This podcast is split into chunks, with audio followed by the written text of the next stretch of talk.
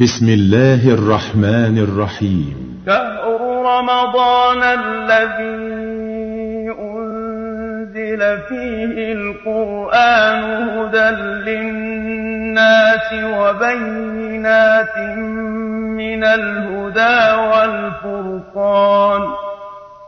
فمن شهد منكم الشهر فليصمه ومن كان مريضا أو على سفر فعدة من أيام أخر يريد الله بكم اليسر ولا يريد بكم العسر ولتكملوا العدة ولتكبروا الله على ما هداكم ولعلكم تشكرون. اللهم أهلله علينا باليمن والإيمان والسلامة والإسلام. شركة ربي النور وربك للإنتاج الإعلامي والتوزيع.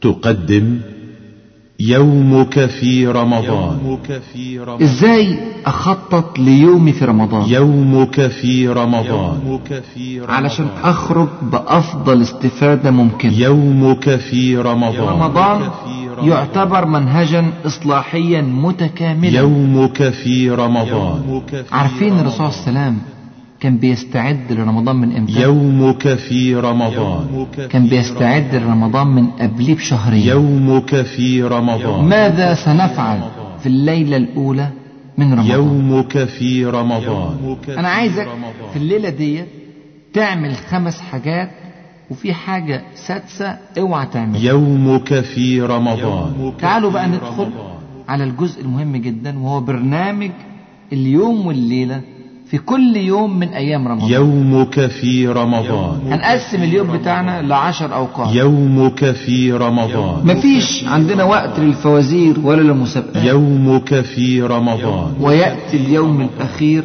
من رمضان يومك في رمضان يا ترى كانت النية خالصة يومك في رمضان يا ترى العمل كان كما ينبغي يومك في رمضان هل استنفدت الوسع في طاعة ربي يومك في رمضان هل تقبل الله مني يومك في رمضان هل غفر الله لي ذنوبي يومك في رمضان هل صفحتي الآن بيضاء يومك في رمضان يومك في رمضان للأستاذ الدكتور راغب السرجاني. راغب السرجاني. راغب السرجاني. أعوذ بالله السميع العليم من الشيطان الرجيم. بسم الله الرحمن الرحيم. إن الحمد لله نحمده ونستعينه ونستغفره ونستهديه ونعوذ بالله من شرور أنفسنا ومن سيئات أعمالنا. إنه من يهده الله فلا مضل له ومن يضلل فلا هادي له. وأشهد أن لا إله إلا الله وحده لا شريك له وأشهد أن محمدا عبده ورسوله.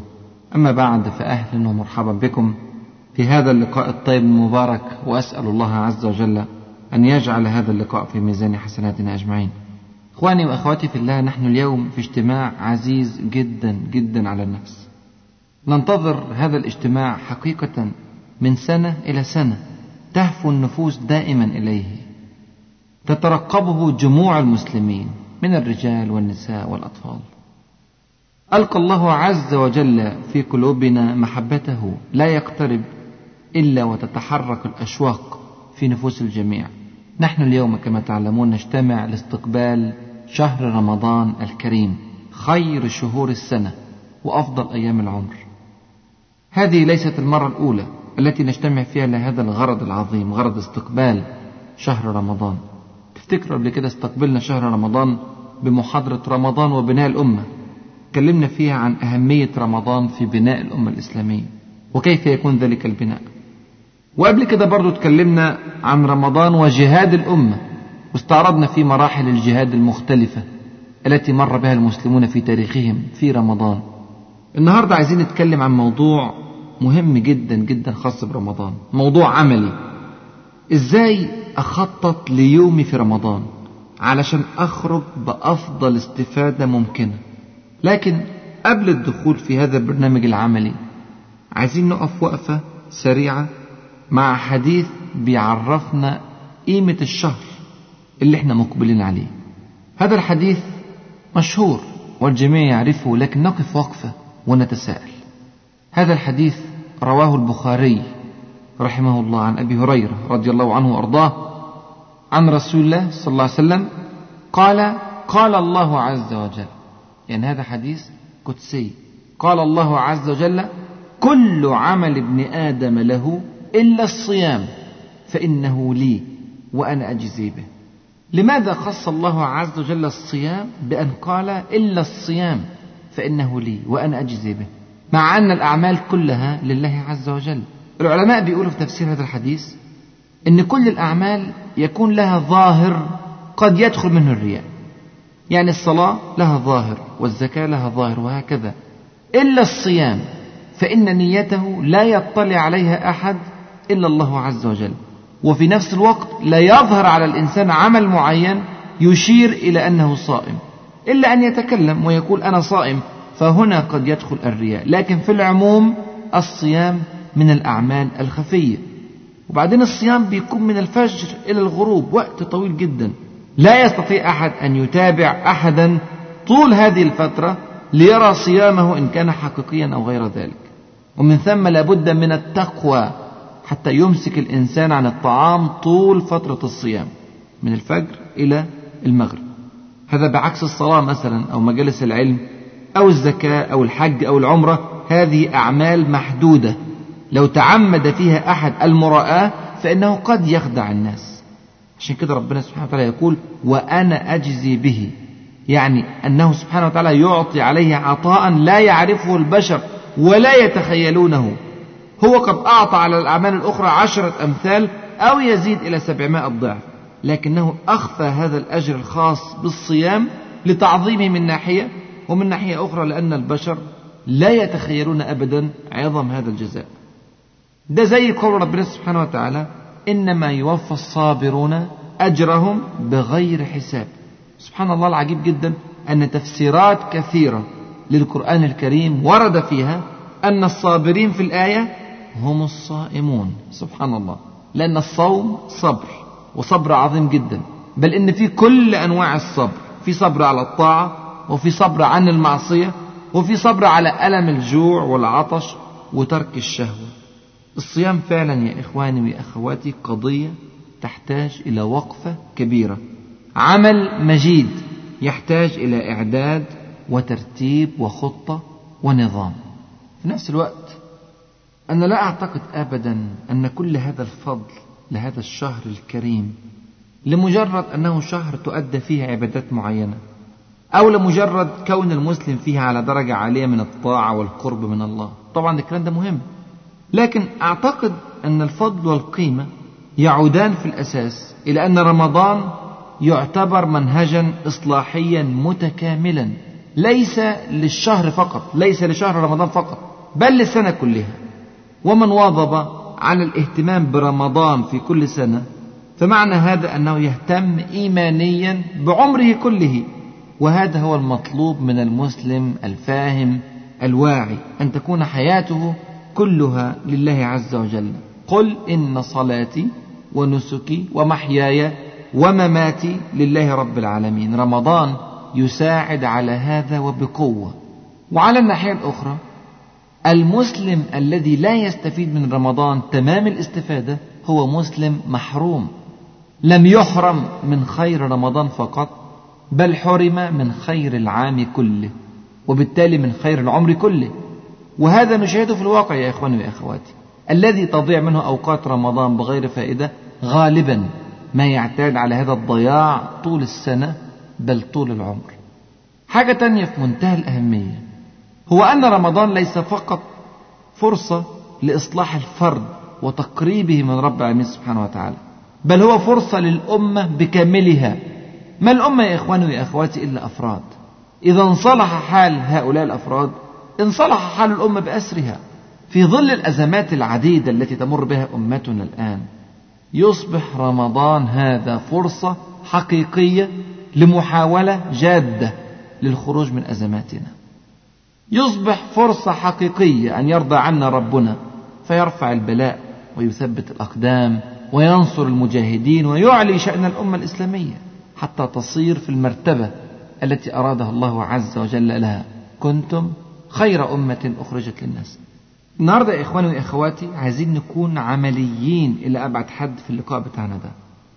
عايزين نخرج من اللقاء وعينينا على كل ثانية من ثواني رمضان. نعم كل ثانية.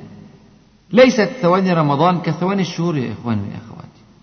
أنا تعمدت أن أقول ثانية لأننا كتير جدا جدا بنستهين بالثانية في أوقاتنا.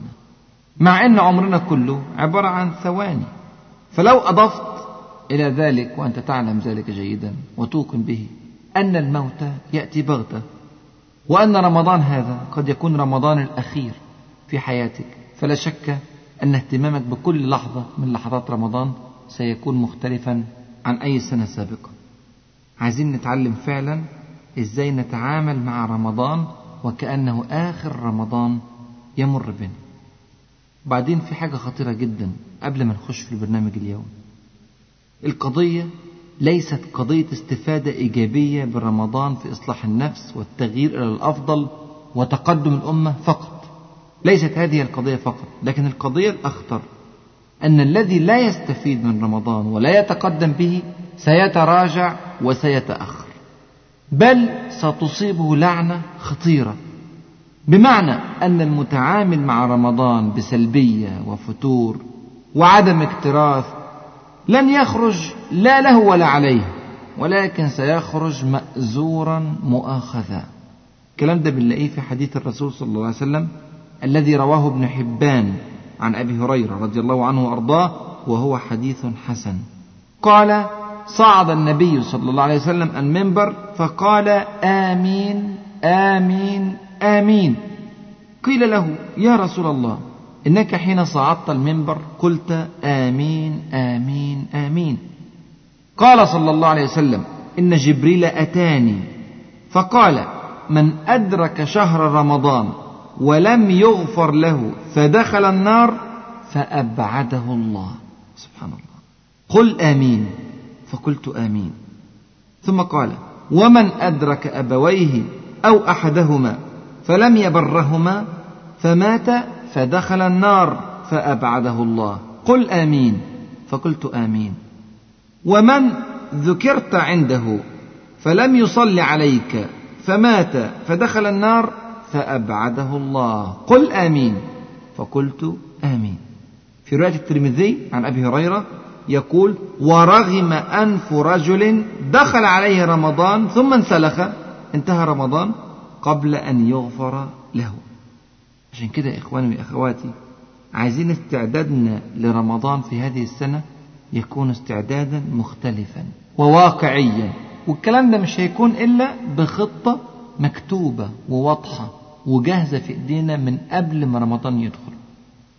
عارفين الرسول صلى الله عليه وسلم كان بيستعد لرمضان من إمتى؟ كان بيستعد لرمضان من قبليه بشهرين. سبحان الله. من أول رجب وهو بيستعد لرمضان كان يكثر صلى الله عليه وسلم من الصيام في رجب وكأنه تدريب على الصيام في رمضان. والكلام ده في صحيح مسلم. الإمام مسلم بيروي عن ابن عباس رضي الله عنهما يقول وهو يتحدث عن صوم رجب يقول كان رسول الله صلى الله عليه وسلم يصوم أي في رجب حتى نقول لا يفطر ويفطر حتى نقول لا يصوم. يعني يصوم أيام ويفطر أيام لكنه كان يكثر من الصيام في رجب لأنه من الأشهر الحرم. ونيجي بعد كده في شهر شعبان.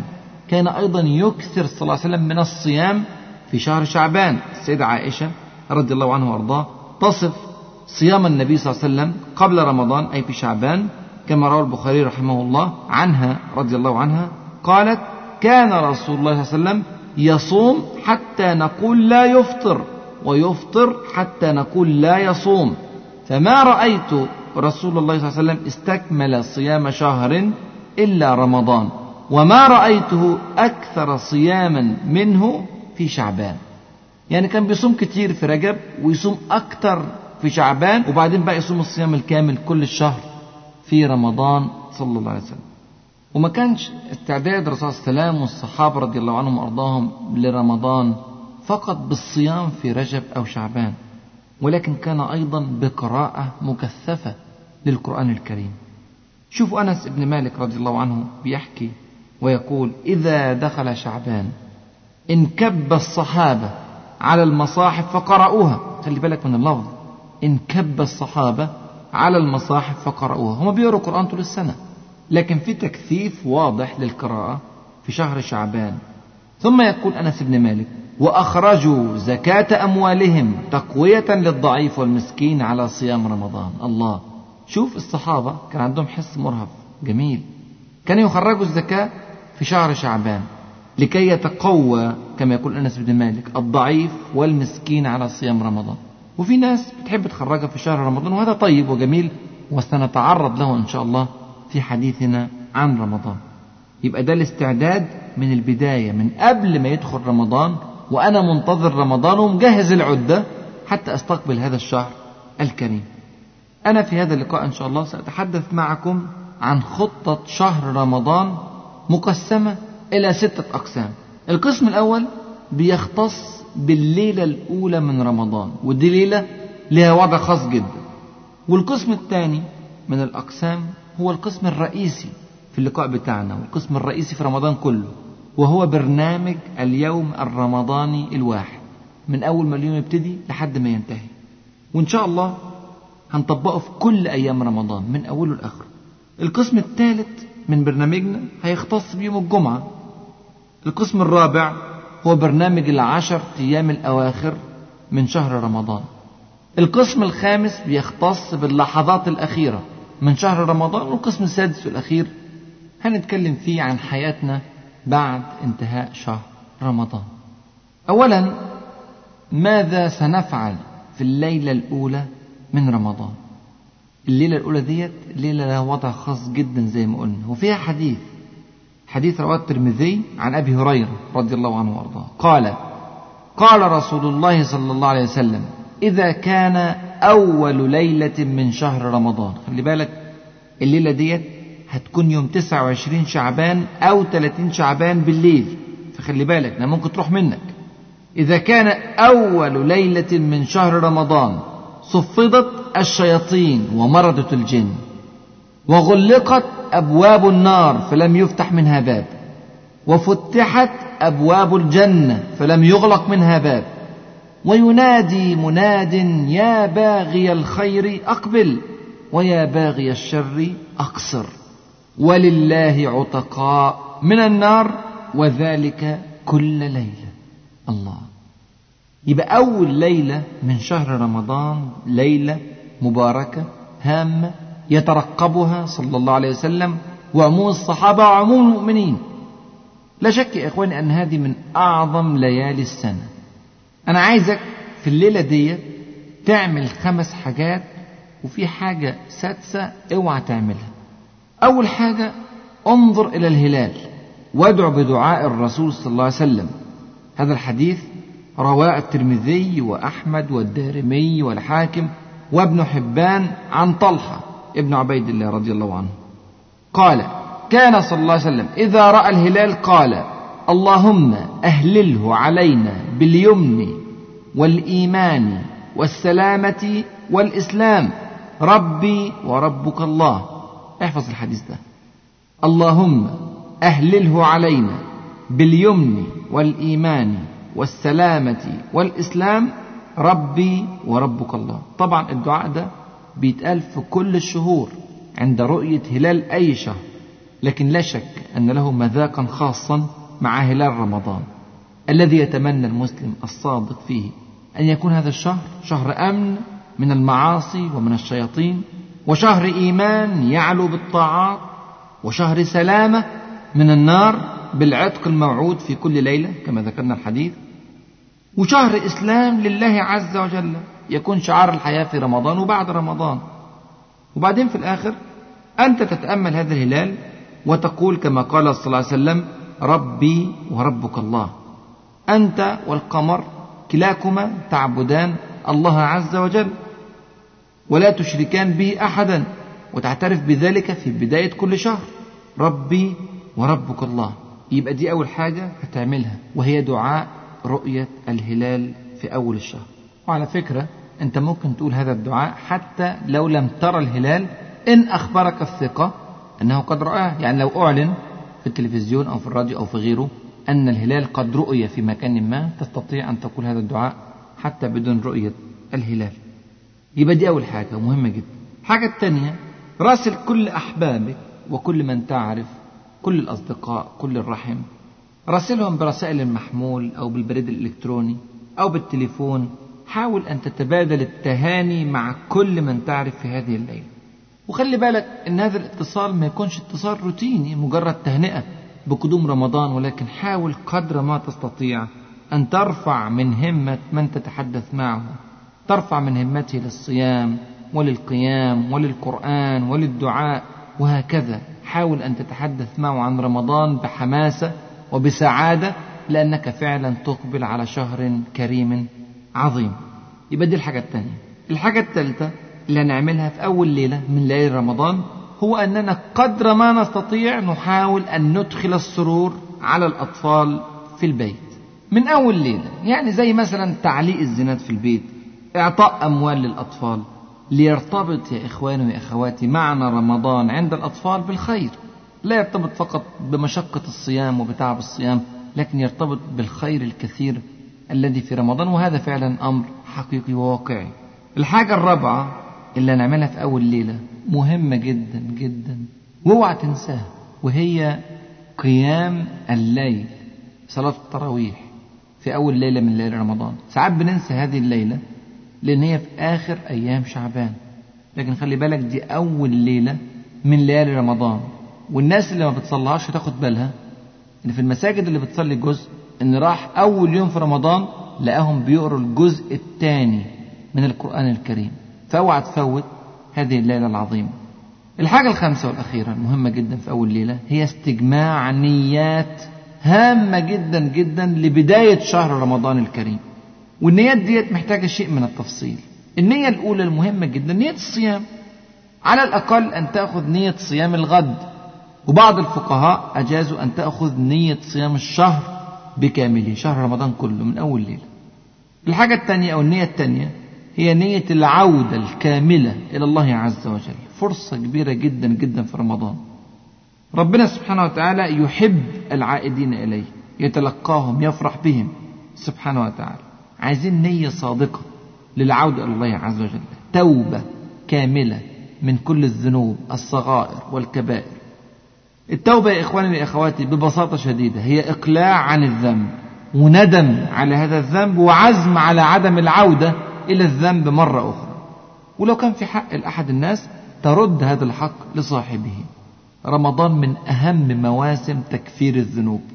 والكلام ده في الحديث الذي رواه الإمام مسلم رحمه الله عن أبي هريرة رضي الله عنه وأرضاه. قال قال رسول الله صلى الله عليه وسلم الصلوات الخمس والجمعة إلى الجمعة ورمضان إلى رمضان مكفرات ما بينهن إذا اجتنبت الكبائر.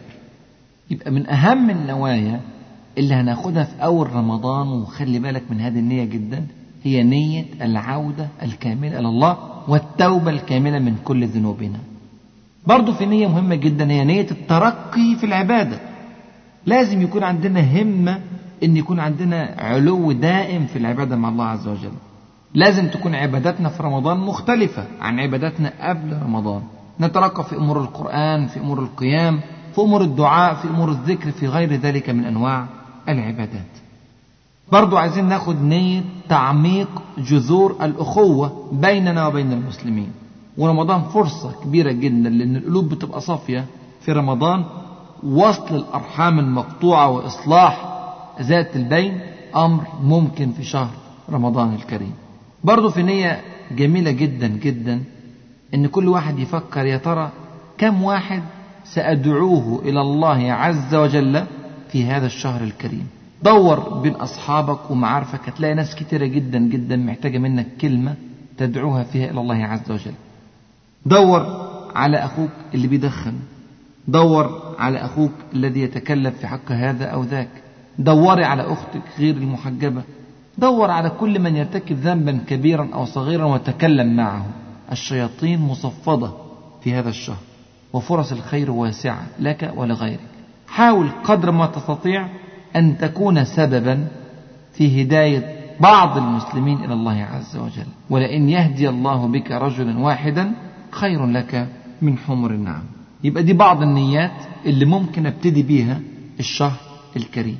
يبقى إحنا قلنا خمس حاجات تعملها في أول ليلة من ليالي رمضان. أول حاجة دعاء رؤية الهلال.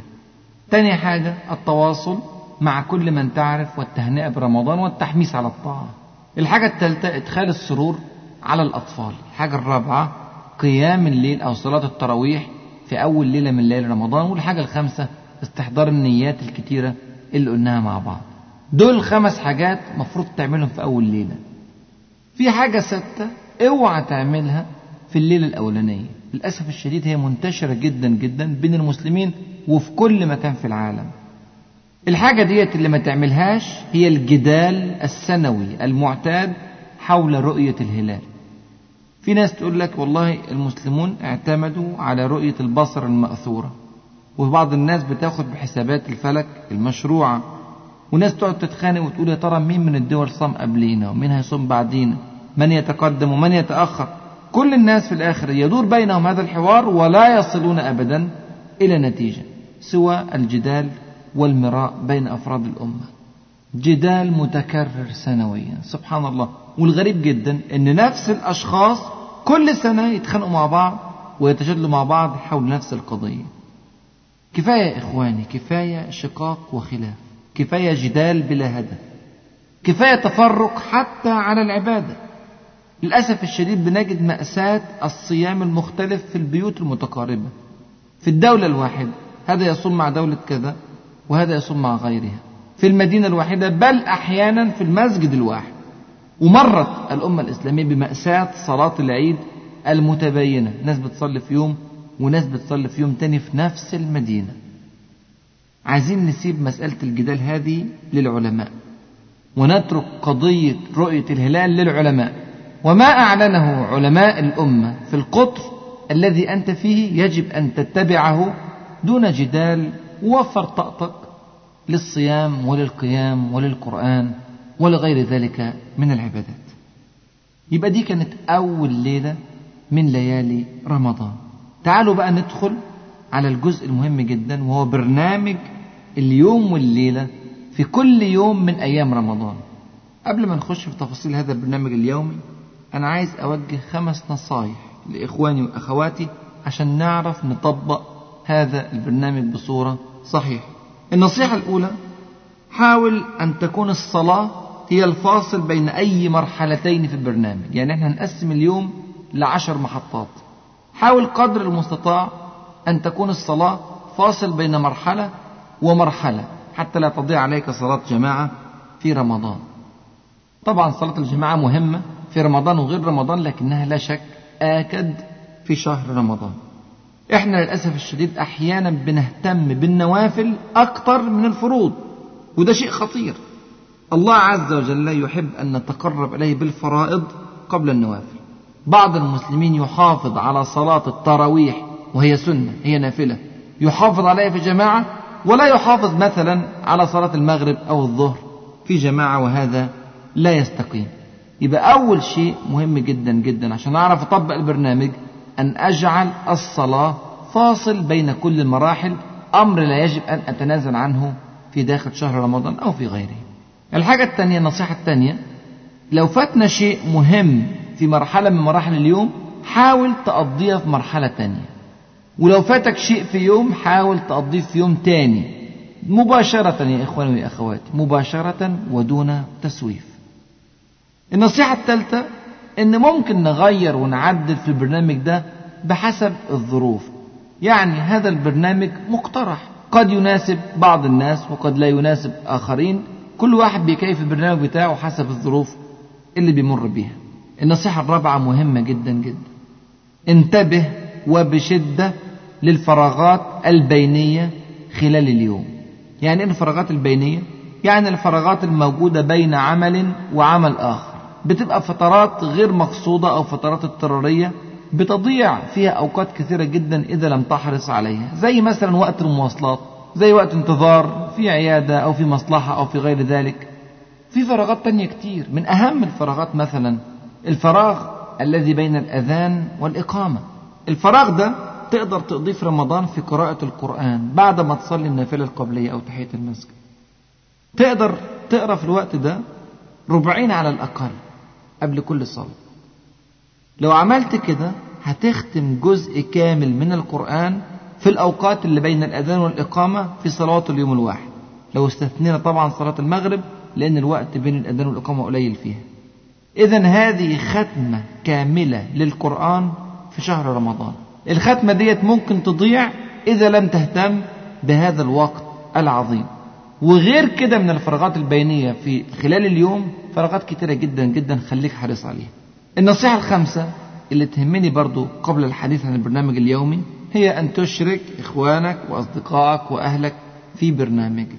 ليه؟ لأن الواحد بيفتر طبيعة الإنسان أنه يفتر أو يكسر. لكن إذا اجتمع معه أحد على الخير فإنه عادة لا يفتر. يد الله مع الجماعة. يبقى تعالوا بينا بعد هذه النصائح ندخل في البرنامج العملي ليوم من أيام رمضان.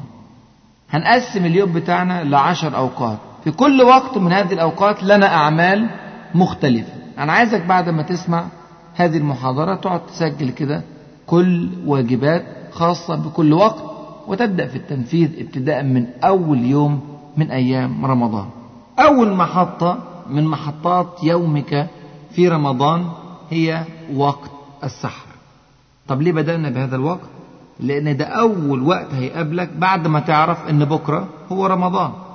هذا يسبق مباشرة بداية اليوم الإسلامي بداية اليوم الإسلامي من الفجر. وهذا الوقت الشريف وقت السحر وقت أعمال مهمة جدا جدا لازم نعملها قبل الفجر. وعلى فكرة الوقت ده من أشرف أوقات اليوم والليل. يكفينا فيه ما رواه البخاري عن أبي هريرة رضي الله عنه أن رسول الله صلى الله عليه وسلم قال ينزل ربنا تبارك وتعالى كل ليلة إلى السماء الدنيا. حين يبقى ثلث الليل الآخر اللي هو وقت السحر ده. يقول سبحانه وتعالى من يدعوني فأستجيب له من يسألني فأعطيه من يستغفرني فأغفر له. في الوقت الشريف ده لينا ثلاث أعمال. الأمور في منتهى الوضوح محددة جدا. العمل الأول ركعتان خفيفتان. طبعا أنت صليت التراويح في المسجد. لكن الركعتين دولت ليهم أهمية مهمة جدا جدا. أولا الوقت كما ذكرنا وقت شريف لدرجة أن الرسول صلى الله عليه وسلم عندما سئل أي الليل أسمع؟ قال جوف الليل الآخر. يعني هذا أقرب وقت أن يسمع فيه الدعاء. قال جوف الليل الآخر. فصل ما شئت فإن الصلاة مشهودة مكتوبة. والحديث في سنن أبي داود عن عمرو بن عبسة السلمي رضي الله عنه. وبرضه من فوائد الركعتين دولت أنها دليل الإخلاص. أنت صليت التراويح قدام الناس. دلوقتي بتصلي في البيت في جوف الليل لا يراك إلا الله عز وجل. طبعا إحنا بنقول ركعتين خفيفتين لكن ممكن تصلي ما تشاء. لكل مجتهد أجره إن شاء الله. وبالتأكيد هيكون لنا وضع مختلف في العشر الأواخر من رمضان كما سيأتي إن شاء الله. يبقى أول حاجة أعملها في هذا الوقت العظيم هي صلاة ركعتين خفيفتين أو ما شئت. الحاجة الثانية المهمة جدا هي السحور. والسحور بركة يا إخواني. وده كلام الحبيب صلى الله عليه وسلم. يقول تسحروا فإن في السحور بركة. حديث البخاري. وطبعا السحور بركة في القوة والجهد وبركة في الأجر والثواب. يعني ليس من الفروسية والقوة أن تنام عن السحور ثم تطير في الآفاق مفتخرا أنك صائم بلا سحور. دي مش شطارة هذا ابتعاد عن سنة الرسول صلى الله عليه وسلم. بل إن من السنة أن يؤخر السحور لتبقى القوة في الجسد أطول فترة ممكنة. وهذه رحمة من رب العالمين سبحانه وتعالى. يبقى دي الحاجة الثانية الحاجة الثالثة اللي هنعملها في وقت السحر هو الاستغفار. حاول تخلص السحور بتاعك وتبقي من آخر الليل حوالي خمس دقايق عشر دقايق قبل طلوع الفجر. تستغفر فيها رب العالمين سبحانه وتعالى. وربنا سبحانه وتعالى ذكر هذا الوقت في القرآن الكريم وخصه بالاستغفار فقال وبالأسحار هم يستغفرون. أنا عايزك في الوقت ده تفتكر فعلا ذنوبك الحقيقية. حاول تفتكر وتفتكر ذنوب كتيرة جدا جدا. ذنوب قديمة وحديثة ذنوب صغيرة وكبيرة ذنوب فاكرها وذنوب جايز ما تكونش فاكرها. اتخيل نفسك واقف قدام رب العالمين سبحانه وتعالى يسألك عن هذه الذنوب واحدا واحدا. موقف صعب صعب جدا يا إخواني.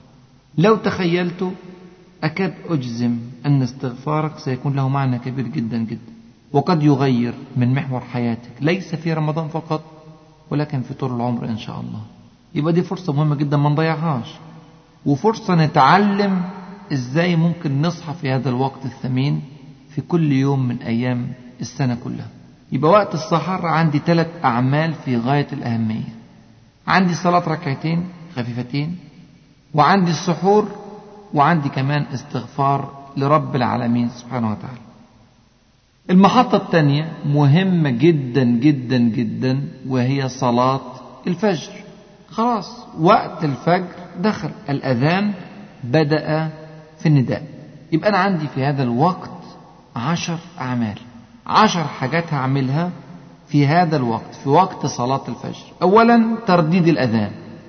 والكلام ده طبعا هينطبق على كل أذان في أثناء اليوم. أردد الأذان. الحاجة الثانية قبل ما أنزل إلى المسجد عندك اختيار من اثنين إما أنك أنت تصلي صلاة الفجر اللي هي النافلة في البيت قبل ما تنزل وده الرسول صلى الله عليه وسلم كان بيعمله وإما إنك أنت تنزل للمسجد وتصلي ركعتين الفجر دولت اللي هم النافلة في داخل المسجد. المهم إنك لازم تصلي ركعتين سنة الصبح اللي هي ركعتين الفجر. الرسول صلى الله عليه وسلم قال في حقهما ركعتا الفجر خير من الدنيا وما فيها. والحديث في الترمذي. ركعتا الفجر خير من الدنيا وما فيها. الحاجة الثالثة وأنت ماشي للمسجد. الطريق إلى المسجد. خلاص نزلت من البيت. روى مسلم عن عبد الله بن عباس رضي الله عنهما وهو يصف حال الرسول صلى الله عليه وسلم عند الخروج إلى صلاة الفجر. كان يقول فخرج إلى الصلاة. يقصد صلاة الفجر. وهو يقول اللهم اجعل في قلبي نورا وفي لساني نورا واجعل في سمعي نورا واجعل في بصري نورا واجعل من خلفي نورا ومن أمامي نورا واجعل من فوقي نورا ومن تحتي نورا. اللهم أعطني نورا. يبقى دي مهمة جدا جدا. وأنا ماشي ناحية المسجد في صلاة الفجر أستشعر كل هذا النور في هذا الدعاء النبوي العظيم. الحاجة الرابعة وأنا داخل المسجد ودي مهمة جدا جدا وركز فيها آخد نية الاعتكاف. والاعتكاف يا إخواني مش شرط يكون في العشر أيام الأواخر من شهر رمضان. ومش شرط يكون لوقت معين ومش شرط يكون لمدة معينة. هو يتحقق بالمكث أو البقاء في المسجد مع نية الاعتكاف طال الوقت أو قصر وإحنا زي ما هنشوف بعد شوية احتمال نقعد في المسجد فترة معينة فترة طويلة شوية. فناخد نية الاعتكاف وفيها أجر كبير. الحاجة الخامسة دخول المسجد. لما تيجي تدخل المسجد قول دعاء دخول المسجد. في أكتر من صيغة. من أسهل الصيغ أن تقول بسم الله والسلام على رسول الله. اللهم اغفر لي ذنوبي وافتح لي أبواب رحمتك. الحاجة السادسة لما تدخل الجامع صلي تحية المسجد. ولو ما كنتش صليت ركعتين الفجر صلي ركعتين الفجر. الحاجة السابعة بعد ما تخلص صلاة النافلة هتستقبل وقت شريف جدا جدا وهو الوقت الذي بين الأذان وبين الإقامة. هتقعد في هذا الوقت تدعو الله عز وجل ما شئت أن تدعوه فإن الدعاء في هذا الوقت مستجاب. كما قال صلى الله عليه وسلم في حديث الترمذي الدعاء لا يرد. تخيل. الدعاء لا يرد بين الأذان والإقامة. في نفس الوقت برضو ممكن زي ما قلنا قبل كده تقرأ الورد القرآني بتاعك عشان تكمل ختمة في أثناء هذا الوقت الشريف. الحاجة الثامنة إذا أقيمت الصلاة. إذا أقيمت الصلاة أحضر قلبك. صل صلاة مودع. استشعر شهود الملائكة لهذه الصلاة بالذات. حاول قدر ما تستطيع أن تركز في كل كلمة من الكلمات التي يقرأها الإمام في هذه الصلاة العظيمة. واحمد ربنا حمدا كبيرا جدا على السلامة من النفاق لأن هذه الصلاة صلاة الفجر في المسجد تفرق بين المؤمن الصادق وبين المنافق الكاذب. الحاجة التاسعة بعد ما تخلص الصلاة اختم الصلاة ما تقومش على طول مباشرة. بعض الناس بتبقى سهرانة وتعبانة فبتضيع خير كتير جدا جدا في ختام الصلاة.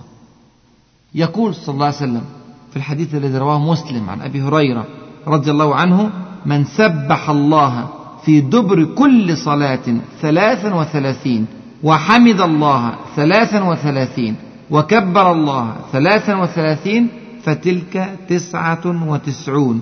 وقال تمام المئة لا إله إلا الله وحده لا شريك له له الملك وله الحمد وهو على كل شيء قدير. لو عملنا الحاجات ديت إيه النتيجة؟ قال غفرت خطاياه وإن كانت مثل زبد البحر. يا الله. تخيل بهذه الكلمات القليلة تاخد منك ثلاث دقايق خمس دقايق عشر دقايق بالكثير تغفر لك الخطايا وإن كانت مثل زبد البحر. سبحان الله الحاجة العاشرة والأخيرة المطلوبة منك. لو الإمام أو أحد الدعاة قال درسا بعد صلاة الفجر حاول أن تصبر نفسك وتجلس وتستمع إلى هذا الدرس. هذا وإن قصر هذا مجلس علم. مجلس علم حقيقي. ذكره صلى الله عليه وسلم في الحديث الشريف عندما قال ما اجتمع قوم في بيت من بيوت الله يتلون كتاب الله ويتدارسونه فيما بينهم إلا نزلت عليهم السكينة وغشيتهم الرحمة وحفتهم الملائكة وذكرهم الله في من عنده شوف قد إيه الأجر العظيم ممكن يكون الكلام ده كله متحقق من عشر دقايق أو ربع ساعة درس بعد صلاة الفجر. يبقى ده وقت الفجر وهو من أهم الأوقات في شهر رمضان وفي غير رمضان إن شاء الله رب العالمين. الوقت الثالث أو المحطة الثالثة المهمة هي من بعد صلاة الفجر إلى ما بعد الشروق. وده وقت برضه مهم جدا جدا. والرسول صلى الله عليه وسلم وعدنا فيه بجائزة عظيمة جدا جدا لكن لازم نعمل فيها عمل مهم هقوله لكم في الحديث الذي رواه الترمذي عن أنس بن مالك رضي الله عنه وأرضاه. قال قال رسول الله صلى الله عليه وسلم من صلى الغداء الغداء يعني الصبح في جماعة ثم قعد يذكر الله حتى تطلع الشمس ثم صلى ركعتين كانت له وخلي بالك بقى كأجر حجة وعمرة. ثم قال تامة تامة تامة الله أكبر. خلي بالك لما الرسول صلى الله عليه وسلم قال تامة تامة تامة معنى كده أننا لا يجب أن نأخذ الحديث على محمل التشجيع أو التحميس ولكن على محمل المماثلة الحقيقية للأجر لأنه قال تامة تامة تامة وده أمر لازم نقف قدامه كتير. شوف قد إيه الناس بتتعب في العمرة وفي الحج ومع ذلك في هذه الساعة تستطيع أن تحصل الأجر الذي تحتاج أن تحصله في أيام وأيام وأيام وتنفق فيه الأموال الكثيرة. طب هقعد الساعة دي أعمل إيه؟ أقعد أقرأ قرآن سواء كان جلسة منفردة أو مع بعض إخوانك في مقرأة عامة أقعد أذكر الله عز وجل بشتى أنواع الذكر. ومن أهم الأذكار التي يجب أن تقال في هذا الوقت أذكار الصباح وهو ده وقتها فعلا. تقعد تدعو الله عز وجل والدعاء هو العبادة. تقعد في هذا الوضع الإيماني الراقي من بعد ما تخلص صلاة الفجر لحد الشروق وبعد الشروق بربع أو تلت ساعة إلى أن يأتي وقت الضحى. تصلي ركعتين الضحى وبعد كده غادر المسجد. خلاص الحمد لله في هذه الساعة أو ساعة وربع خدت أجر عمرة وحجة تامة تامة تامة. صلاة الضحى ديت يا تصليها ركعتين يا أربعة يا ستة يا ثمانية يبقى ده بالنسبة للوقت الثالث أو المحطة الثالثة وهي من بعد صلاة الفجر حتى صلاة الضحى بعد الشروق بحوالي ربع أو ثلث ساعة. المحطة الرابعة محطة برضو مهمة جدا وهي محطة العمل. المحطة الرابعة هذه إما أن تكون مباشرة بعد ركعتي الضحى أن يذهب الإنسان مستعينا بالله عز وجل إلى عمله أو أن ينام فترة ثم يذهب إلى عمله حسب مواعيد العمل بتاعته.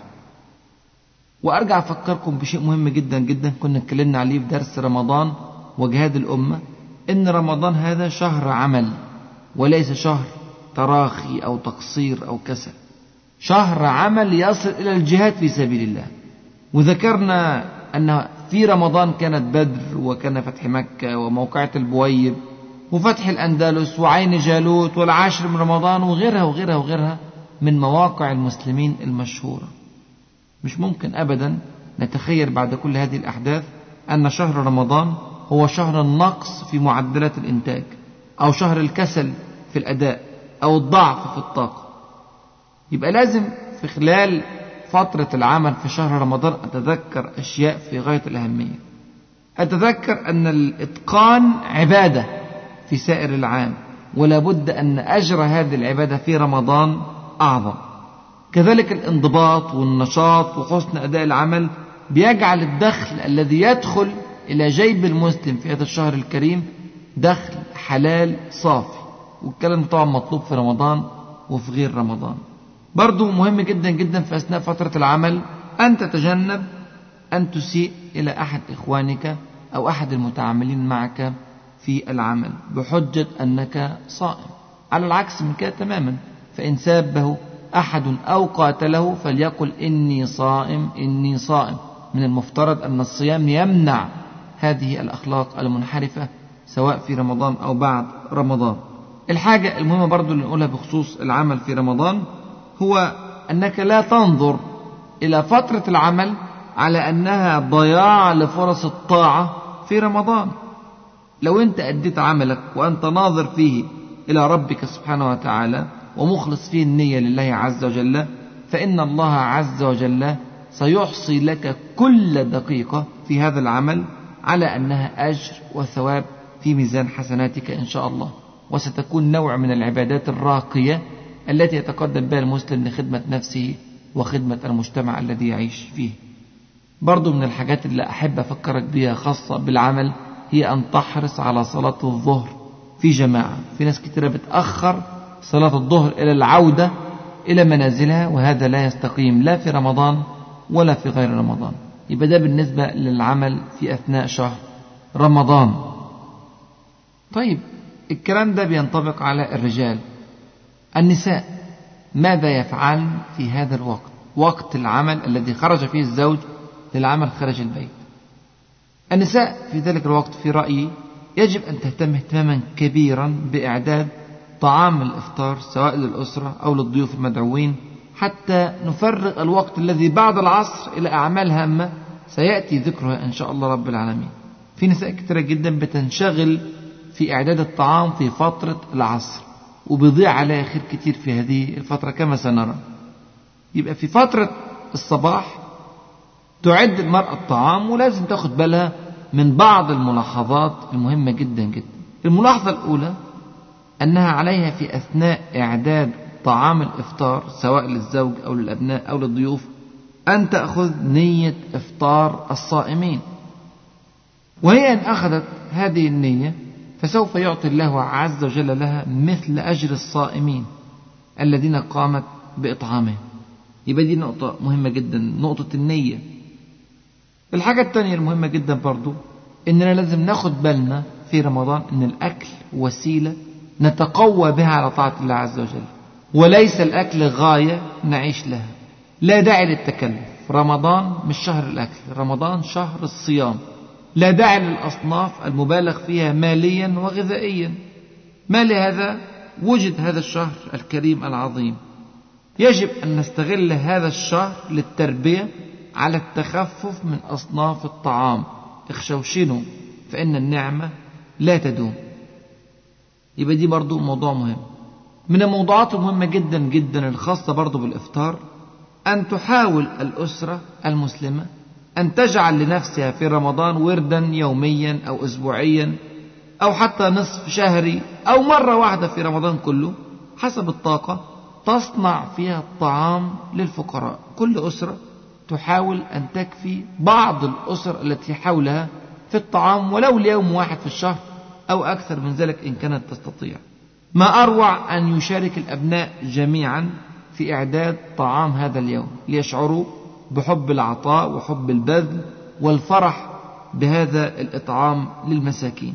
ولازم طبعا نفكر الأبناء بالأجر الجزيل الذي يعطيه رب العالمين سبحانه وتعالى لإطعام الفقراء وإطعام الصائمين. برضو ممكن الأسرة تقتصد في طعام يوم من الأيام وتوفر المبلغ الذي كان سينفق في الطعام وتعطي هذا المبلغ إلى فلسطين إلى لبنان إلى السودان إلى الصومال أو إلى أي بلد مسلم يحتاج إلى عون أو نصرة. ونشرح للأطفال والأولاد إحنا ليه النهاردة اقتصدنا في الطعام وليه أعطينا الأموال إلى هذه البلاد حتى يشعر الأطفال بهموم أمتهم منذ الصغر. برضو من الحاجات المهمة جدا والأخيرة التي أذكرها في فترة إعداد الطعام بالنسبة للنساء هي أنها تحاول أن تقضي هذه الفترة في عمل مفيد إلى جوار إعداد الطعام. يعني مثلا ممكن تستمع إلى محاضرة تستمع إلى قرآن أثناء تحضير الطعام أو تشغل نفسها بذكر الله عز وجل أثناء هذا التحضير. يبقى دي كانت الفترة الرابعة من فترات اليوم الرمضاني. الفترة الخامسة بعد العمل حتى العصر. اللي هي في الغالب هيكون جزء من الوقت بين الظهر والعصر. دي فترة القيلولة. والقيلولة سنة. دعا إليها صلى الله عليه وسلم. قال فيما رواه أبو نعيم عن أنس بن مالك رضي الله عنه قيلوا هذا كلام الرسول صلى الله عليه وسلم قيلوا فإن الشياطين لا تقيل وهذا بسند حسن قيلوا فإن الشياطين لا تقيل. طبعا في رمضان عندنا صلاة تراويح وعندنا تهجد وعندنا جهد كبير نحتاج إلى هذا الوقت من القيلولة حتى نتقوى على بقية أعمال اليوم. طبعا أنا عارف أن في ناس بترجع للبيت بعد صلاة العصر أو في أوقات غير مناسبة لهذا البرنامج الذي نذكره. عشان كده قلنا في الأول أن البرنامج مرن وكل واحد بيكيف البرنامج حسب الظروف المهم تستوفي كل البنود الموجودة في البرنامج. المحطة السادسة مهمة أوي أوي للأسرة وهي من العصر إلى المغرب. طبعا تفتح هذه المحطة بصلاة العصر وصلاة العصر زي ما أنتم عارفين هي إحدى البردين اللذين ذكرهما صلى الله عليه وسلم في الحديث الذي قال فيه من صلى البردين دخل الجنة. البردين وصلاة الصبح وصلاة العصر. في هذه الفترة أيضا بعد صلاة العصر هنعمل عمل مهم جدا جدا للأسرة. يا ريت لو نعرف ننظم لقاء يومي للأسرة تجتمع فيه الأسرة بكاملها. الأب والأم والأولاد لتدارس القرآن الكريم والشرع الحنيف في هذه الفترة الطيبة. ما أجمل أن تجتمع الأسرة كل يوم على الطاعة بهذه الصورة. نبدأ اللقاء بتلاوة للقرآن الكريم. ممكن أحد الأطفال يتلو القرآن الكريم أو يسمع بعض الآيات التي حفظها قبل ذلك. ويكون ممكن فيها بعض الروايات عن رسول الله صلى الله عليه وسلم من سيرة الحبيب صلى الله عليه وسلم أو بعض الصحابة أو من التاريخ الإسلامي. طبعا الأطفال بيحبوا القصص وخاصة في رمضان. ممكن برضو نعد فيها مسابقة إسلامية تكون بديل عن وباء الفوازير الذي ينتشر كما تعلمون في رمضان يكون بديل إسلامي لطيف. برضو في هذا اللقاء مفروض نجتمع على أذكار المساء وده وقتها بين العصر وبين المغرب. ممكن يكون في دعاء الأب يدعو أو الأم تدعو والأبناء يؤمنون أو الأولاد نفسهم يدعون الله عز وجل والجميع يؤمن على هذا الدعاء. يا إخواني ويا أخواتي حقيقة أسرنا تحتاج إلى مثل هذه الأجواء النورانية. هذه الأجواء تقطع دون كلام مسافات إيجابية واسعة جدا جدا جدا في تربية الأبناء بصورة تلقائية. كما أن هذه اللقاءات أيضا تذيب الخلافات التي قد تنشأ بين الزوجين. تشد هذه اللقاءات أيضا الملائكة إلى البيت العامر. تطرد هذه اللقاءات الشياطين من البيت. الحقيقة في منتهى الأهمية. إحنا كتير جدا جدا بنغفل عن تربية الأسرة عن تربية الأولاد عن التفاعل بين الزوج والزوجة. كل الكلام ده ممكن نبتدي في رمضان عشان نكمله بعد كده إن شاء الله بعد رمضان ويبقى عندنا رصيد عطر جدا جدا من الذكريات الحلوة التي اجتمعنا فيها على كتاب الله وعلى سنة رسول الله صلى الله عليه وسلم. ممكن رمضان ده يبقى بداية تغير في حياة الأسرة المسلمة. من المغرب إلى العشاء. دي المحطة السابعة بتاعتنا. عند هذه المحطة بينتهي صوم المسلم والمسلمة. طبعا لحظة من لحظات الفرح التي ذكرها صلى الله عليه وسلم كما جاء في البخاري ومسلم عن أبي هريرة رضي الله عنه وأرضاه وقال فيها وللصائم فرحتان يفرحهما إذا أفطر فرح بفطره وإذا لقي ربه فرح بصومه. فرح بتمام العون على العمل. الله عز وجل هو الذي أعانك وهداك فصمت. الحمد لله رب العالمين. مع هذا الفرح في فرح تاني بالدعاء المتقبل أثناء هذا الإفطار. الرسول صلى الله عليه وسلم يقول إن للصائم عند فطره لدعوة ما ترد. سبحان الله.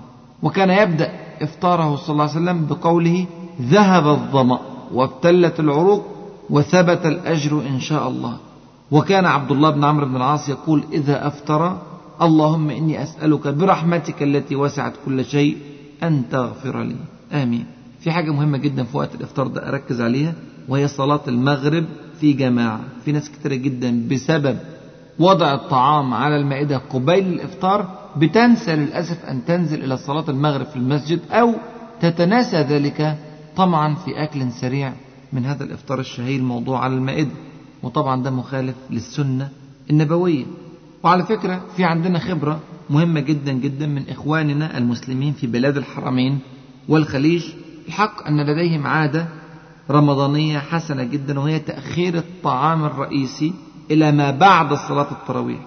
هم بيكتفوا بعد المغرب باليسير من الطعام يعني بعض الفواكه وتمر ولبن وما إلى ذلك وبيخلوا بعد صلاة التراويح الطعام الرئيسي وبذلك يستطيع الإنسان أن يصلي صلاة العشاء وصلاة القيام وهو في حالة من التركيز الطيب. يبقى دي المحطة السابعة. المحطة الثامنة صلاة العشاء والقيام.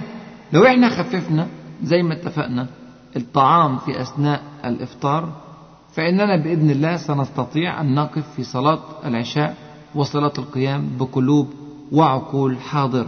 وكنا اتكلمنا قبل كده مع بعض في درس رمضان وبناء الأمة حول طريقة اختيار المسجد الذي ستصلي فيه التراويح.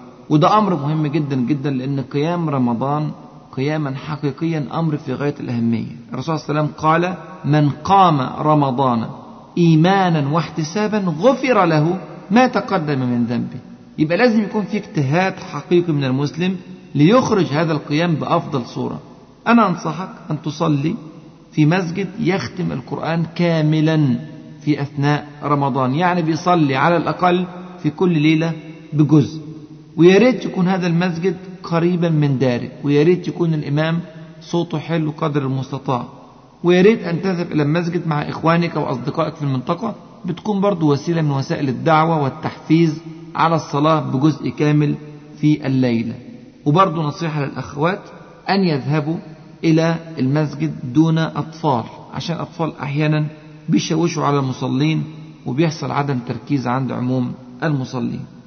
وطبعا أثناء الصلاة حاول قدر المستطاع أن تتفكر وتتدبر في كل كلمة يقرأها الإمام وبرضه تركز في الدرس الذي بين التراويح واعلم أنه من مجالس العلم المشهود يبقى دي بالنسبة للمحطة الثامنة اللي هي محطة صلاة العشاء والتراويح. المحطة التاسعة هي من بعد القيام إلى النوم وحاول طبعا يكون النوم بدري. الساعة 11 الساعة 11 ونص حاجة زي كده. هذه الفترة من بعد القيام إلى النوم هذه الفترة يمكن أن تقضى في طعام لا إسراف فيه إذا كان الإنسان لم يفطر إفطارا كاملا بعد صلاة المغرب وإما أن تقضى هذه الفترة في مذاكرة وطلب علم لإخواننا وأبنائنا الطلاب وإما أن تقضى في استكمال ورد قرآني أو ذكر فائت في أثناء اليوم وإما في متابعة لشؤون الأسرة الداخلية والخارجية أو في صلة رحم أو في قضاء بعض المصالح والحوائج الهامة التي لا تتسبب بقدر الإمكان في تأخير موعد النوم. يبقى دي الفترة اللي بعد القيام إلى النوم. المحطة العاشرة والأخيرة في اليوم خلاص اليوم خلص هي محطة النوم. بعض الإخوة والأخوات ممكن يستغربوا أن هذه محطة هامة في اليوم. الحقيقة النوم محطة هامة جدا. ليه هامة؟ لأن أنت لو خدت فيها نية سينقلب هذا النوم إلى عبادة. إيه النية اللي ممكن أخدها في النوم؟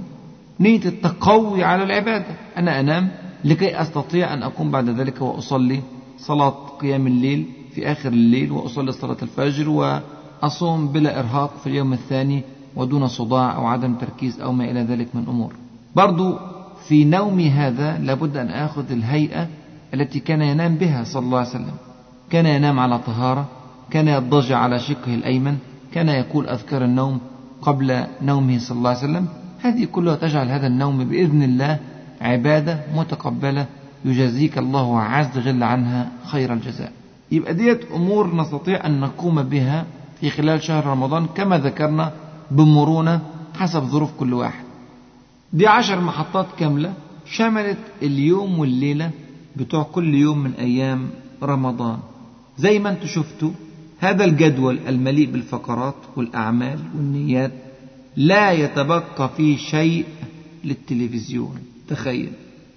التلفزيون يا إخواني فيه صرف وتعطيل كبير جدا جدا عن طاعة الله عز وجل وفيه إلهاء كبير عن ذكر الله عز وجل. هذا في كل السنة فما بالك في رمضان؟ مفيش عندنا وقت للفوازير ولا للمسابقات. وأنا مش عارف سبحان الله اشمعنى الفوازير تتعمل في رمضان. ليه ما تتعملش في شعبان أو في شوال. لكن أهو المهم الناس عملت الفوازير في رمضان وبها تضييع وقت كبير جدا جدا للمسلمين في هذا الشهر العظيم. برضو رأيي إن مفيش داعي نعمل ما يسمى بالدورات الرمضانية لكرة القدم أو غيرها من أنواع الرياضة. تكثيف لهذه الرياضات يضيع على الشباب وقت طويل جدا جدا من أوقات العبادة والطاعة ويرهق جدا جدا الأبدان فلا يستطيع الرجل أو الشاب أن يقوم لصلاة القيام في المساء أو يصلي بتركيز أو تضيع عليه بعض الصلوات في المسجد حتى صلاة الفجر أحيانا تضيع بسبب السهر في الكرة أو في غيرها من أنواع الرياضة الكلام ده كله اعمله في أي شهر. وفرغ هذا الشهر العظيم شهر رمضان لعبادة رب العالمين سبحانه وتعالى. يبقى ده كان برنامج يومي لرمضان. وأنا عايزك تراجع المحاضرة دي مرة واثنين وثلاثة. وتكتب النقط ديت واحدة والتانية والتالتة وتعمل لنفسك برنامج دقيق عشان ما فيش لحظة من لحظات رمضان تروح عليك دون استفادة. هتبقى لنا بعض المحطات الأخيرة في هذه المحاضرة اللي هنحتاج نقف عليها وقفة خاصة. هي أيام رمضانية برضو زي كل الأيام لكن فيها بعض التفاصيل الزائدة. يعني مثلا يوم الجمعة. في رمضان هيكون في أربع أو خمس أيام جمعة. يوم الجمعة في حد ذاته موسم خير سواء في رمضان أو في خارج رمضان. فما بالك في داخل هذا الشهر الكريم. في أعمال كثيرة جدا جدا بتعمل في يوم الجمعة على المسلم أن يحاول أن يواظب عليها في كل شهور السنة. منها مثلا التبكير لصلاة الجمعة منها الغسل منها التطيب منها قراءة سورة الكهف منها تحري ساعة الإجابة منها الإكثار من الصلاة على رسول الله صلى الله عليه وسلم وأمور أخرى كثيرة. المهم التركيز في أداء العبادات بشكل مكثف في هذا اليوم العظيم. وخلي بالك هذا يوم عطلة في غالب الأحوال عند معظم المسلمين هذا يوم عطلة. فهذا اليوم تستطيع فيه أن تقضي ما فاتك من أعمال في أثناء أيام الأسبوع الأخرى. طبعا برضو ممكن في هذا اليوم تصل الأرحام تزور الوالد الوالدة الإخوة الأخوات غير ذلك من الأرحام أو تزور بعض الأصدقاء إذا تيسر ذلك. وزي ما أنتم شايفين يوم الجمعة بهذه الصورة ليس يوم نوم أو كسل وليس يوم مشاهدة مباريات أو مشاهدة أفلام أو فعل ما يغضب رب العالمين سبحانه وتعالى. ده بالنسبة ليوم الجمعة. في محطة تانية مهمة جدا جدا وهي محطة العشر الأواخر من شهر رمضان. وهنا لازم نقف وقفة في غاية الأهمية. يكفي أن أذكر لك موقف الرسول صلى الله عليه وسلم في هذه الأيام العشر. كان صلى الله عليه وسلم إذا دخل العشر كما تقول السيدة عائشة وذلك في صحيح مسلم كان إذا دخل العشر أحيا الليل وأيقظ أهله وجد وشد المئزر. سبحان الله. يعني هذا اجتهاد في العبادة من الرسول صلى الله عليه وسلم خاص جدا جدا. طبعا الرسول صلى الله عليه وسلم مجتهد في العبادة طول رمضان ومجتهد في العبادة طول السنة. لكن إذا ذكر ذلك في حقه في العشر الأواخر فتخيل ماذا يفعل في هذه الأيام. فعلا نوم قليل عمل كثير جدا جدا تكثيف كامل للعبادة. موسم عظيم جدا يا إخواني. أنا أفضل قدر ما تستطيع أن تأخذ أجازة في هذه الفترة. طبعا كل إنسان فينا عنده أجازة سنوية. إيه المانع أنك تاخذ جزء من هذه الأجازة السنوية في العشر أيام الأواخر من شهر رمضان؟ والله فرصة كبيرة جدا جدا لتكثيف العبادة في هذه الفترة العظيمة. الرسول صلى الله عليه وسلم كان من سنته أن يعتكف في الأيام العشر الأخيرة من شهر رمضان يعني يعتكف يعني يقعد في المسجد لا عمل له إلا عبادة الله عز وجل قرآن قيام ذكر صلاة صيام هكذا. هكذا كان يفعل صلى الله عليه وسلم يعتزل تماما الحياة الخارجية ويكثف كل الأوقات لعبادة رب العالمين سبحانه وتعالى. برضو من الحاجات المهمة جدا في الأيام العشر الأخيرة هي صلاة التهجد. الحمد لله معظم المساجد الإسلامية دلوقتي بتعمل صلاة التهجد جماعة حتى تشجع المسلمين على أدائها. وحاول قدر ما تستطيع أن تكثر من صلاة التهجد وما فيش مانع أنك تحاول أنك تختم القرآن كله في الأيام العشر الأخيرة ما بين القيام وما بين القراءة. طبعا في الأيام العشر الأخيرة من رمضان بنتحرى ليلة القدر وخلي بالك ليلة القدر خير من ألف شهر. كما ذكر ربنا سبحانه وتعالى في القرآن الكريم. يقول صلى الله عليه وسلم من قام ليلة القدر إيمانا واحتسابا غفر له ما تقدم من ذنبه. كلنا عارفين أن ليلة القدر في الأيام الوتر من العشر الأواخر من شهر رمضان الكريم. وبعدين يا إخواني ويا أخواتي أنا أعتقد اعتقادا جازما أن ليلة القدر هذه هدية من رب العالمين سبحانه وتعالى. لا يقدمها إلا لمن قدم وتعب وسهر واجتهد في هذا الشهر الكريم. يعني إذا كنت بتشتغل كويس من أول يوم لآخر يوم ربنا سبحانه وتعالى سييسر لك العبادة والقيام والدعاء في هذه الليلة الكريمة التي هي خير من ألف شهر كما ذكر ربنا سبحانه وتعالى. برضو من الأعمال الهامة جدا جدا جدا ومن الفروض الحقيقة في الأيام العشر الأخيرة هي إخراج زكاة الفطر. زكاة الفطر لابد أن تخرج قبل صلاة العيد. روى أبو داود عن ابن عباس رضي الله عنهما قال فرض رسول الله صلى الله عليه وسلم زكاة الفطر طهرة للصائم من اللغو والرفث وطعمة للمساكين. من أداها قبل الصلاة أي قبل صلاة العيد فهي زكاة مقبولة. ومن أداها بعد الصلاة فهي صدقة من الصدقات. طبعا هذا دور الأب أو الزوج خاصة هو الذي يتولى إخراج هذه عن نفسه وعمن يعود. طبعا ما فيش وقت للوقوف أمام التفاصيل الفقهية لزكاة الفطر لكن لا بد لكل مسلم أن يدرس تماما التفاصيل الفقهية لها أو يسأل عنها لأن هذه فريضة من الفرائض على كل مسلم ومسلمة. يريد في الأيام العشر الأخيرة لا ننشغل بتجهيزات العيد. مش معنى كده أننا مش هنجهز للعيد. لا نجهز له قبل رمضان ما يبتدي. أو على الأقل نجهز له في العشر أو العشرين يوم الأولى من رمضان حتى لا ننشغل في هذه الأيام الثمينة والغالية جدا جدا بشراء وتجهيز الأشياء الخاصة بالعيد. يبقى ده بالنسبة للأيام العشرة الأخيرة من رمضان. يفضل عندنا في المحاضرة قسمين. اللحظات الأخيرة في رمضان وما بعد رمضان. سبحان الله. عدى بسرعة رمضان. هكذا تمر الأيام سريعة سريعة. ويأتي اليوم الأخير من رمضان. سبحان الله هذا يوم فعلا عجيب. تتصارع فيه مشاعر تبدو في ظاهرها متناقضة لكنها حقيقية.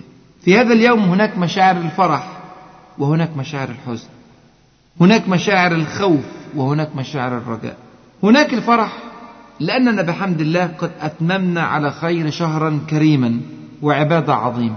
واستطعنا بتوفيق من الله أن نصوم ونقوم. فرحة حقيقية فرحة الأجير عندما يوفى أجره بعد عمل شهر وبعدين طبعا في فرحة تانية فرحة أن غدا هو العيد. والعيد يوم زرع الله عز وجل محبته في قلوب المؤمنين. لا تجد صغيرا ولا كبيرا ولا رجلا ولا امرأة إلا وهو فرح بذلك اليوم. لكن سبحان الله يا إخواني يا أخواتي مع هذا الفرح العظيم هناك حزن كبير على فراق شهر رمضان. اعتاد المسلمون على بركات هذا الشهر الكريم وعلى نفحاته وعلى تيسير الطاعة فيه وعلى اجتماع المسلمين. حزن عميق في القلب. فلن يأتي رمضان آخر إلا بعد أحد عشر شهرا. هذا إن كان في العمر بقية. من المشاعر التي تكون أيضا في اليوم الأخير من رمضان مشاعر الخوف. الخوف هذا يختلط سبحان الله في هذا اليوم مع الرجاء. المسلم في هذا اليوم يشعر بخوف من أن يكون في صيامه أو قيامه أو دعائه نقص أو قصور قد يؤدي إلى عدم القبول. يا ترى كانت النية خالصة؟ يا ترى العمل كان كما ينبغي؟ هل استنفدت الوسع في طاعة ربي؟ هل تقبل الله مني؟ هل غفر الله لي ذنوبي؟ هل صفحتي الآن بيضاء؟ أم أنها ما زالت ملأى بذنوب أذكرها وذنوب لا أذكرها؟ هذه مشاعر خوف حقيقية عند المؤمن الحقيقي. لكن مع هذه المشاعر المقلقة هناك مشاعر رجاء عظيمة جدا.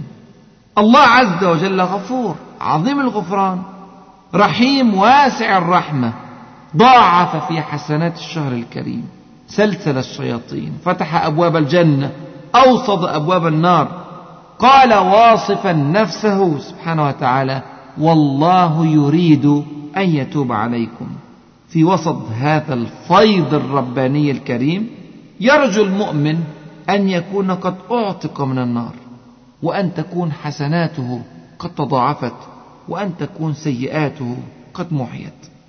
في هذا اليوم الأخير من الشهر الكريم تأتي ليلة العيد.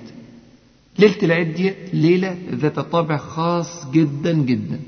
علينا فيها عدة واجبات. هي بسرعة أن تتصل بكل الأهل والأصحاب والمعارف للتهنئة بالعيد المبارك. قائلين تقبل الله منا ومنكم. برضو في هذه الليلة علينا وبشدة إدخال السرور على الأطفال. نحضر الملابس الجديدة نعطي النقود الكثيرة. نشتري اللعب. نشعر الأطفال حقيقة أن هذا هو عيد المسلمين. برضو مهم جدا جدا أن نوسع على الأسرة وعلى الزوجة وعلى الأبناء في الهدايا والطعام والشراب وما إلى ذلك. هذه أيام أكل وشرب ولعب. مهم برضو في هذه الليلة أن ندخل السرور على الفقراء بالتصدق على الفقراء بما نستطيع عشان برضو يحسوا معنا بفرحة العيد العظيم. برضو مهم جدا جدا جدا في هذه الليلة إصلاح ذات البين. إصلاح ذات البين بينك وبين من خاصمت أو بين المسلمين عموما. إذا عرفت أن هناك أحدا قد خاصم أحد سواء في رمضان أو قبل رمضان فرصة لإعادة الوحدة بين المسلمين. دي من أهم الأعمال التي يجب أن تقضى في ليلة العيد وطبعا تحدد من بالليل المكان اللي هتصلي فيه العيد علشان تلحق تروح إلى المصلى مبكرا. طيب ما بعد رمضان؟ يا ترى كل الشغل اللي إحنا عملناه ده كان الغرض منه فقط هو العبادة في داخل شهر رمضان؟ في حدود الثلاثين يوم فقط التي تسمى رمضان؟ أم أن الله عز وجل هو رب رمضان ورب غير رمضان؟ رب السنة كلها ورب العمر كله ورب الأرض كلها ورب الخلق كلهم. يا إخواني ويا أخواتي رمضان ما هو إلا كورس تدريبي برنامج تدريبي بيدربك على العبادة الصحيحة ليس فقط في رمضان ولكن في طول السنة وفي طول العمر. إن لم يؤخذ على هذه الصورة فلم نستفد حقا من هذا الشهر الكريم العظيم.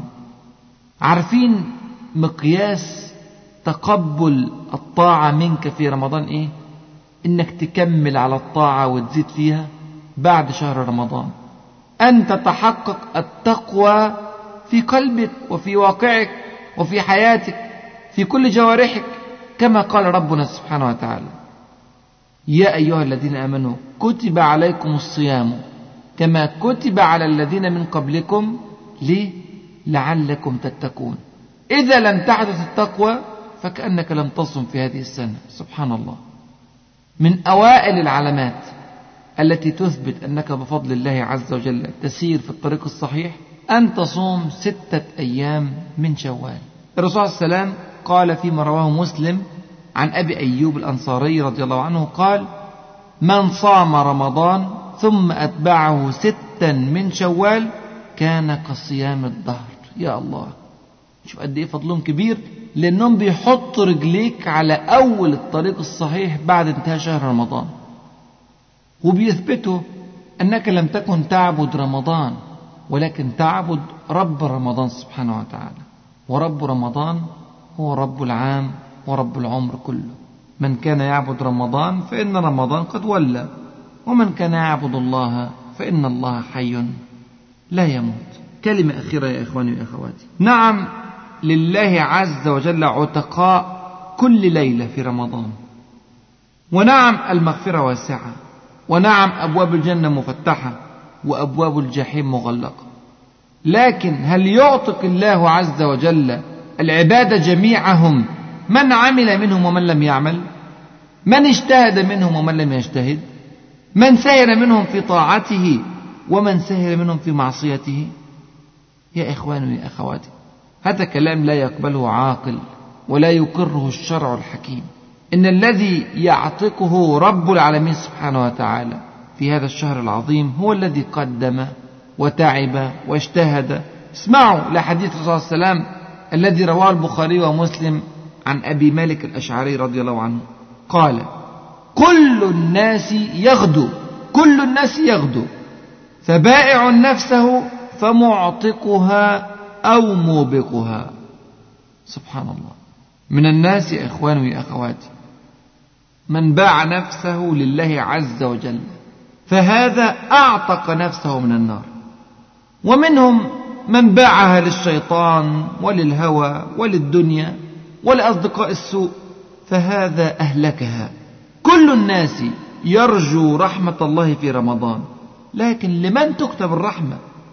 استمعوا لقول الله عز وجل قال عذابي أصيب به من أشاء ورحمتي وسعت كل شيء. فسأكتبها للذين يتقون ويؤتون الزكاة والذين هم بآياتنا يؤمنون. هناك الرحمة وهناك العذاب وكل منهما يكتب لمن يستحق.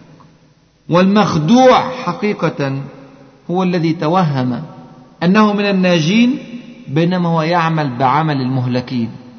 روى الترمذي وقال حسن وكذلك ابن ماجه وأحمد والحاكم عن شداد بن أوس رضي الله عنه قال قال رسول الله صلى الله عليه وسلم الكيس من دان نفسه وعمل لما بعد الموت والعاجز من أتبع نفسه هواها وتمنى على الله الأماني. العاجز حقا يا إخواني ويا أخواتي من قضى ليله في مشاهدة برامج تلفزيونية وأفلام ومسرحيات أو قضى نهاره كذلك في هذا الوضع غير المقبول في غير رمضان فضلا عن رمضان ثم هو يتكلم عن العتق من النار. العاجز حقا من سب هذا وشتم هذا وأكل مال هذا واغتاب هذا وأساء إلى هذا ثم هو يعتقد أنه صائم يدخل من باب الريان يوم القيامة. العاجز حقا من ضاعت منه الأيام تلو الأيام ثم هو يتوقع أن يحشر مع النبيين والصديقين والشهداء والصالحين. يا إخواني ويا أخواتي كل الناس يتعب وكل الناس يسهر وكل الناس يعاني لكن ليس كل الناس يتعب ويسهر ويعاني في سبيل الله عز وجل. هذه طائفة قليلة جدا من البشر وهي التي يمر عليها الألم كأنه ساعة. ثم تسعد بعد ذلك أبد الآبدين. إن تكونوا تألمون فإنهم يألمون كما تألمون. وترجون من الله ما لا يرجون. يا إخواني ويا أخواتي يذهب الألم ويبقى الأجر إن شاء الله. نعم هذا البرنامج الذي ذكرناه برنامج صعب ومزدحم ويحتاج إلى جهد ووقت وصبر لكن والله كل الآلام تمر وسيبقى الأجر إن شاء الله. فلنتسابق سويا إلى الخير. ولنختم هذا اللقاء وفي أذهاننا التنبيه الرباني الخطير والذي رواه مسلم عن أبي ذر عن النبي صلى الله عليه وسلم وقال فيه قال الله تعالى يا عبادي إنما هي أعمالكم أحصيها لكم. ثم أوفيكم إياها فمن وجد خيرا فليحمد الله. ومن وجد غير ذلك فلا يلومن إلا نفسه. أسأل الله عز وجل أن يوفقنا إلى كل خير وأن يفقهنا في سننه وأن يعلمنا ما ينفعنا وأن ينفعنا بما علمنا وأن يعيد رمضان وكل أيام العام على المسلمين بكل خير وبركة ويمن. ونسأله سبحانه وتعالى أن يربط على قلوب المؤمنين وأن يوحد صفوف المسلمين وأن يتقبل منا أجمعين فستذكرون ما أقول لكم وأفوض أمري إلى الله. إن الله بصير بالعباد.